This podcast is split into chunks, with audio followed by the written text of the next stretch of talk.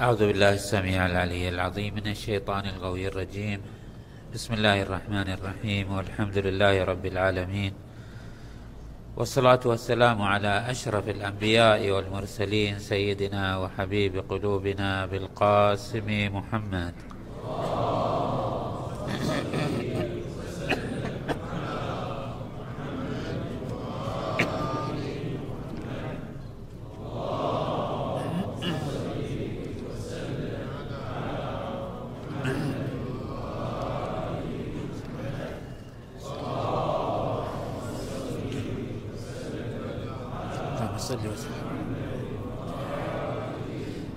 وعلى أهل بيته الطيبين الطاهرين المعصومين الميامين. بسم الله الرحمن الرحيم. اللهم صل على محمد وآل محمد. اللهم صل على محمد سيد المرسلين وخاتم النبيين وحجة رب العالمين. المنتجب في الميثاق والمصطفى في الظلال. المطهر من كل آب البري من كل عيب. المؤمل للنجاة والمرتجى للشفاعة المفوض إليه دين الله. اللهم شرف بنيانه وعظم برهانه وافلج حجته وارفع درجته. اللهم اضع نوره وبيض وجهه وأعطه الفضل والفضيلة والمنزلة والوسيلة. والدرجة الرفيعة وابعثه مقاما محمودا. يغبطه به الأولون والآخرون. اللهم صل على محمد وآل محمد. الأوصياء الراضين المرضيين بأفضل صلواتك وبارك عليهم بأفضل بركاتك. والسلام عليهم وعلى أرواحهم وأجسادهم ورحمة الله وبركاته. ثم السلام عليكم أيها المؤمنون جميعا ورحمة الله وبركاته. قال عز من قائل في محكم كتابه الكريم بسم الله الرحمن الرحيم. ومن أعرض عن ذكري فإن له معيشة ضنكا ونحشره يوم القيامة أعمى. قال ربي لم حشرتني أعمى وقد كنت بصيرا؟ قال كذلك أتتك آياتنا فنسيتها وكذلك اليوم تنسى. وكذلك نجزي من أسرف ولم يؤمن بآيات ربه ولعذاب الآخرة أشد وأبقى صدق الله العلي العظيم. لعله لم تبلغ البشرية في تاريخها المديد ما بلغته اليوم من مكنة وترف وهيمنة وبسط يد على هذا الكون. يعيش الإنسان اليوم ألوان المتاع والقدرة والهيمنة. لا أدري إذا مر على الإنسانية في يوم ما حالة مشابهة لهذه الحالة. إذا استطاعت البشرية اليوم أن تطوع كثير من أسباب الطبيعة والقوى وأن تستثمر أغلب ما في هذه. طبعا وفوق كل ذي علم عليم وأنه ما أوتيتم من العلم إلا قليلا. ولكن على مستوى تاريخ البشرية التي عاشت ردحا طويلا من عمرها في غياهب الجهل والمرض والفقر تعيش اليوم أنعم حالاتها وأفضل أحوالها من حيث المكنة وبسط اليد أصبحت تطوع الأسباب لقطع الفيافي والاتصالات وأسباب الترف واللذة والمتعة حتى أنه يصدق أنه أخذت الأرض زخرفها وزينت. ولكن الغريب أنه في هذا الوقت الذي طاعت الأسباب والقوى لخدمة الإنسان لعله أيضا لم يعش الإنسان حالة من المرارة وحالة من الضنك وحالة من الألم وحالة من الضعف كما يعيشه إنسان المتعة وإنسان المكنة وإنسان الغلبة وإنسان الترف كما يعيشه إنسان اليوم. هناك بعض الدراسات أخيرا تؤكد دراسات دولية أكاديمية تقول أنه في هذه الفترات الأخيرة من عمر الإنسانية حيث كشف استطلاع دولي جديد عن تزايد الشعور بالقلق والتوتر والغضب. في أكثر الناس عبر العالم وأن ثلث المستجوبين يعني طبعا هم لا يستطيعون أن يحصون العالم فردا فردا ولكن يستجوبون, يستجوبون بآليات علمية أكاديمية يستجوبون عينة بشرية يمكن إطلاق الحكم على عموم الناس. أن ثلث المستجوبين يعيشون هذه الحالة من الكآبة والضنك والقلق والإضطراب. ثلث العالم. يعني من كل ثلاثة تجد شخص عبر هذه الحالة حالة الكآبة حالة الخوف والقلق والاضطراب. في وقت آه، آه، خضعت فيه الأسباب للإنسان. الغريب أيضا أنه رافق هذه الحالة من الكآبة والضنك والقلق ظواهر إنسانية لعله ليست جديدة ولكنها متفحلة ومتفحمة وزائدة. مثلا لاحظوا هذه الظواهر التي نلمسها حتى في مجتمعنا المتدين المؤمن. فنجد أن مستوى العلاقات الأسرية والتفكك الأسري لا أعبر بالطلاق أعبر بالفشل الأسري. يعني أن العلاقة بين الزوج والزوجة قد يبلغ حالة من الطلاق وهي أيضا نسبيا حالة متزايدة لكن الكلام ليس عن مجرد الطلاق وإنما عن الفشل الأسري. لا ينجح الزوج والزوجة وخصوصا في بداية العلاقة الزوجية لا ينجحان في بناء تركيبة أسرية معتدلة سوية ناعمة. مع أنه أسباب الزواج كما تلاحظون ومقدمات الزواج تستهلك من الإنسان الكثير الكثير من الجهود والمال والمكنة والاحتفالات والاستعداد والأعداد. مثال آخر هذا التمايز الطبقي في المجتمع فتجد أن هناك آه، شريحة قليلة تعيش حالة من الترف والنعيم والقدرة المالية.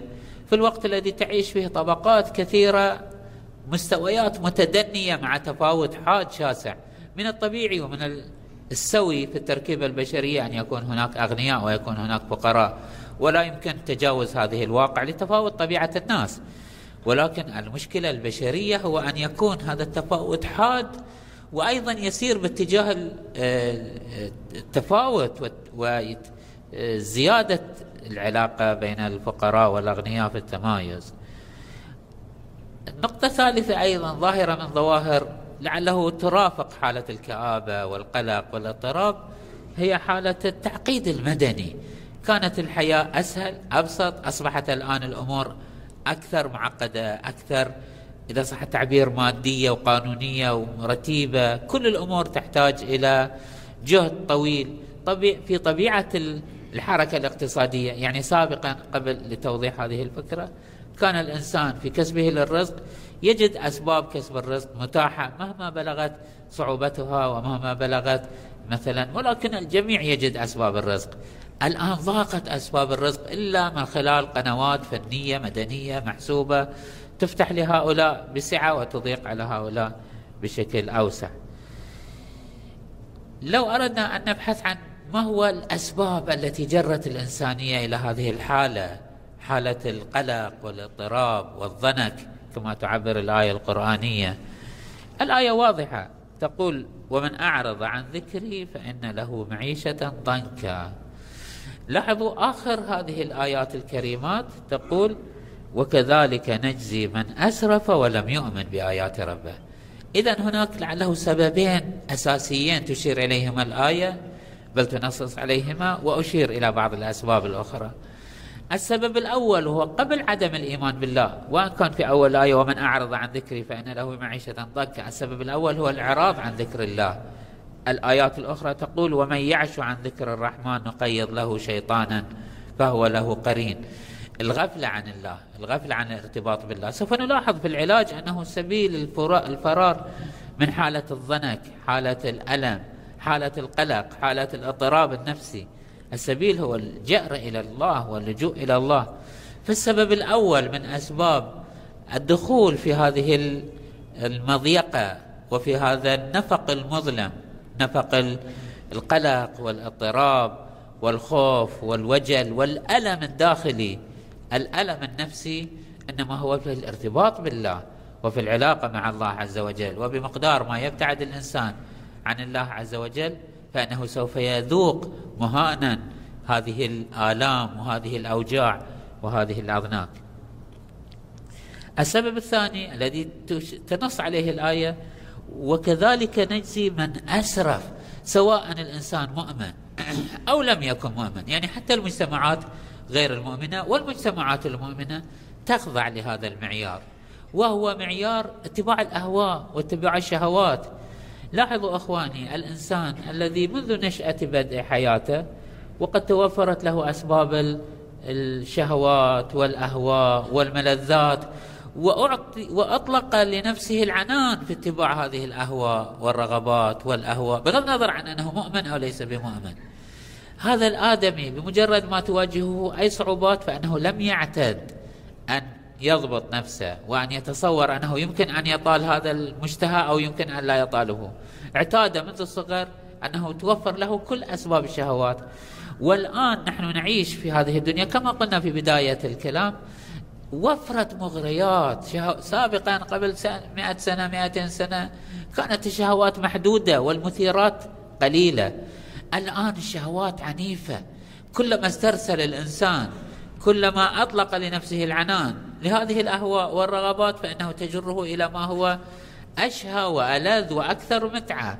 مهما استرسل في اتباعها فإنه لن يستطيع أن يحوز كل هذه الملذات فسوف يبقى في حالة جري كما يعبر أمير المؤمنين عليه أفضل الصلاة والسلام أنه من جرى في عنان أمله وفي عنان شهواته كضى به أجله. بالنتيجة هناك قوانين إلهية وهناك واقع ميداني أرضي.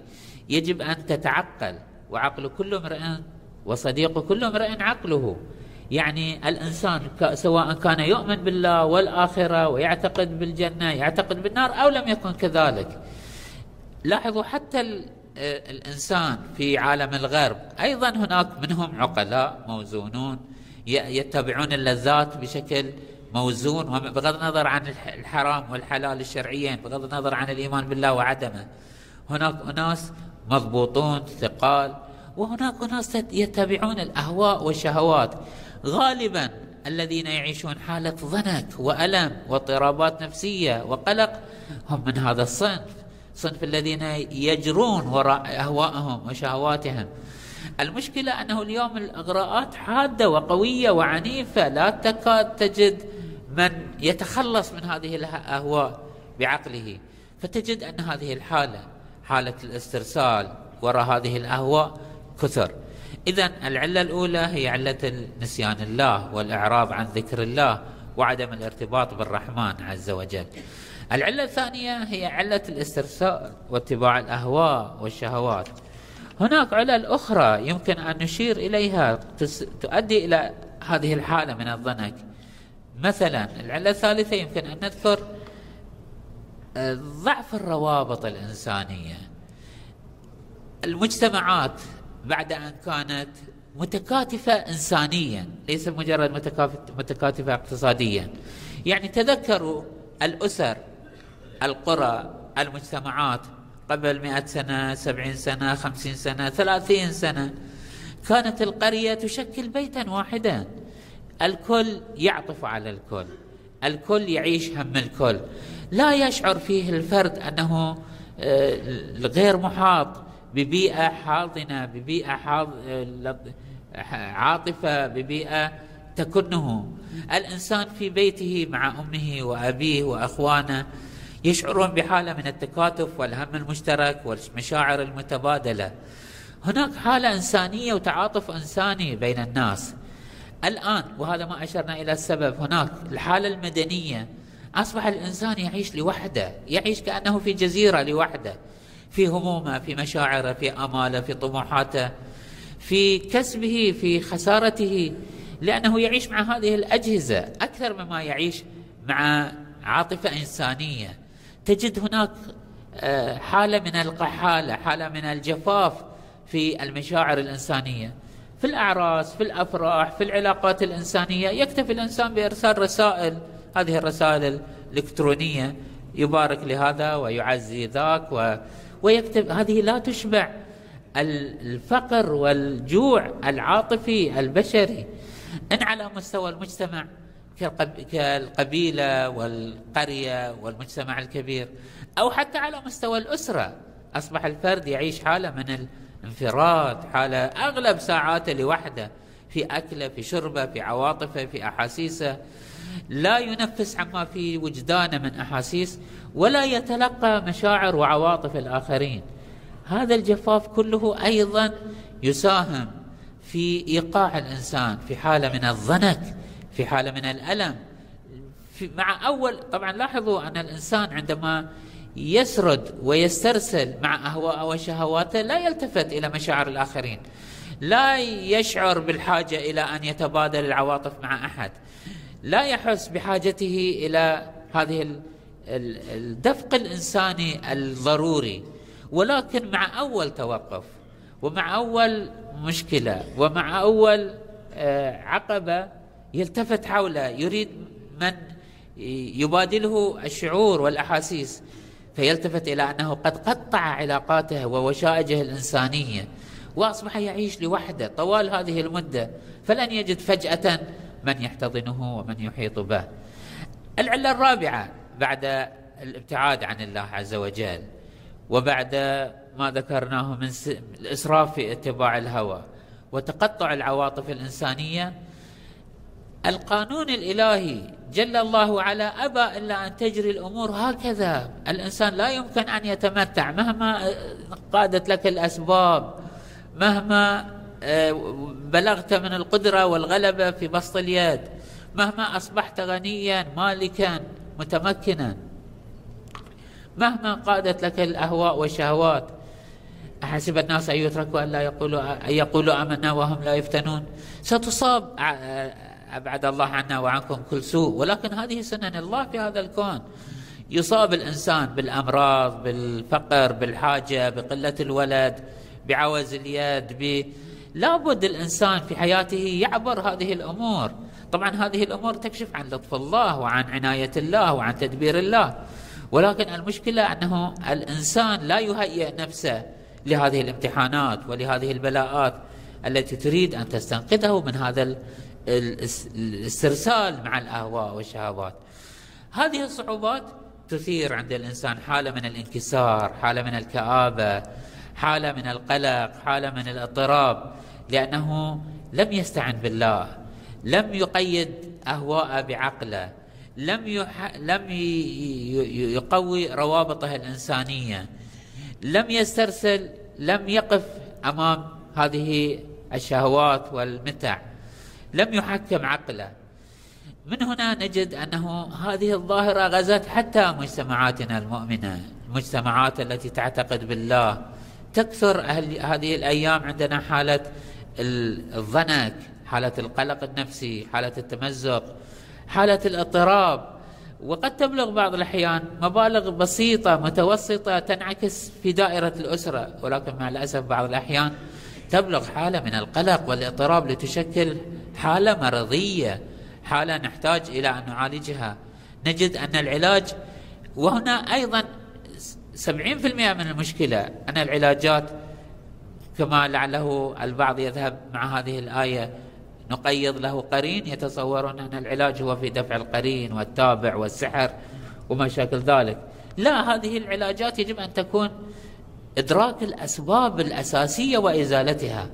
أما هذه الأمور لاحظوا لا السحر ولا العين ولا هذا العالم كله من جهة يستطيع أن يعالج. ومع الأسف حتى المعالجات النفسية والدكاترة الحديثين يعالجون بإيقاف المشاعر والأحاسيس لا انه يعالجون الواقع بمعنى أنه هذه الأدوية الكيميائية ترفع حالة التوتر ترفع حالة الانفعال ترفع حالة الألم ولكنها لا تزيل الأسباب الأسباب هي هذه يجب أن تعالج الأسباب العقائدية والاجتماعية والأخلاقية. لا انه نكتفي بمجرد المعالجات الكيميائية الناتجة عن هذه الآثار. ولذا نجد أن القرآن الكريم يؤكد أن الله لا يحب الفرحين لا يحب الانطلاق مع شهوات ولكن يدعو إلى فرح آخر يدعو إلى استنان بسنة الله. يقول الله عز وجل فرحين بما آتاهم الله من فضله. يعني المؤمن الإنسان العاقل الإنسان التقي يكون علاقته بفضل الله. تقول الآية الأخرى قل بفضل الله وبرحمته فبذلك فليفرحوا. هو خير مما يجمعون. عندما يتوجه الإنسان إلى الله وإلى الآخرة وإلى ما عند الله عز وجل فسوف تنعكس على نفسه بحالة من الاستقرار والاستواء والاعتدال والفرح والبهاء والبهجة والسرور. هذه الأنواع من المشاعر الغريزة القوية الغزيرة القوية التي تعطي الإنسان بهجة وسرورا في حياته الدنيا. يصف أمير المؤمنين عليه أفضل الصلاة والسلام هؤلاء الأتقياء الورعين أنهم أنزلت أنفسهم منهم في البلاء كالتي أنزلت في الرخاء. نفوسهم معتدلة مستوية لا تتقلب بتقل... طبيعة الدنيا متقلبة طبيعة كما قلنا السنن الإلهية أبت إلا أن تجري بهذا النحو من التقلب والتغير. ولكن المؤمن في هذه التغيرات وفي هذه التبدلات مستوي معتدل مستقر. أنزلت أنفسهم منهم في البلاء كالتي نزلت في الرخاء. لأنه هؤلاء ملبسهم الاقتصاد. في سلوك ملبسهم ليس فقط ما يلبسونه فيما يأكلونه فيما يقتصدون. لا يأخذون من الشهوات إلا بمقدار ما تقتضيه حاجة البدن وحاجة المجتمع. نرجو من الله سبحانه وتعالى يوفقنا وإياكم وأن ينجي أجيالنا القادمة من مخالب هذه الأمراض الفتاكة المؤلمة هذه الأمراض التي تدخل وتتغلغل في أعماق النفوس فتربك النفوس وتذيقها أمر الآلام وتنعكس على واقعنا الاجتماعي بالقلق والاضطراب والضعف والهوان نرجو من الله سبحانه وتعالى أن يلطف بنا وينجينا وإياكم من كل سوء. والحمد لله رب العالمين. وصلى الله على محمد وأهل بيته الطيبين الطاهرين.